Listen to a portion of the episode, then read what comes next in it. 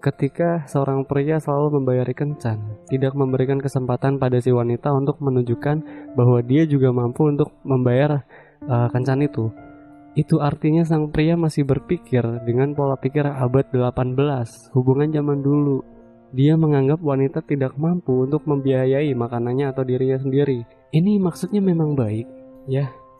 Tapi sebenarnya ini adalah pola pikir yang udah tidak relevan lagi di abad 21 ini, zaman sekarang.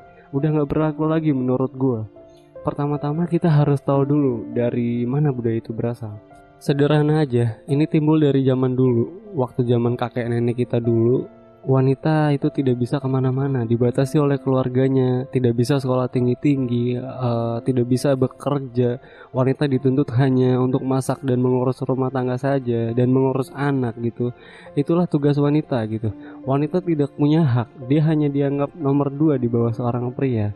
Makanya ketika seorang pria ingin meminang, melamar, dia akan menunjukkan, hey, saya punya harta, saya bisa membiayai keluarga Hei, saya bisa memberi mas kawin yang besar kepada orang tuanya.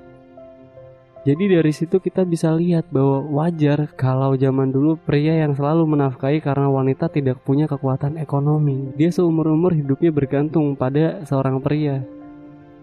Tapi zaman kan udah berubah bro bro. Kita udah hidup di abad 21 zaman sekarang. Wanita udah bisa sekolah tinggi-tinggi bahkan banyak juga yang sekolah tinggi daripada pria, lebih pintar daripada pria, dan punya prestasi yang lebih canggih daripada pria. Dan sekarang juga wanita bisa bekerja, bisa jadi apa saja yang mereka inginkan. Jadi CEO, jadi manajer, jadi businesswoman, jadi pengusaha, dan segala macam. Dan punya gaji yang lebih besar, jauh lebih sukses, jauh lebih berprestasi gitu. Kadang-kadang wanitanya juga nggak enak kalau dibayarin terus. Jadi kadang-kadang ada bill atau pelayan datang, terus wanitanya pengen bayar bagian dia. Eh bagian gue berapa? Dia udah siap keluarkan dompet misalnya. Dan si prianya selalu uh, memaksa nih jangan gue aja yang bayar cewek nggak perlu bayar. Ketika di situasi yang seperti ini wanita merasa nggak enak. Kalau logat jawanya tuh nggak kepenak. Udah aku aja gitu. Bedok gitu. Wanita merasa bahwa dia sedang disogok supaya menyukai sang pria di depan ini. Dia merasa tindakan si pria ini yang membayari segala sesuatu ini adalah udang di balik batu. Dia hanya baik karena ada maunya aja. Makanya sering kali wanitanya tidak menghubungi lagi atau hubungan mereka tidak berlanjut.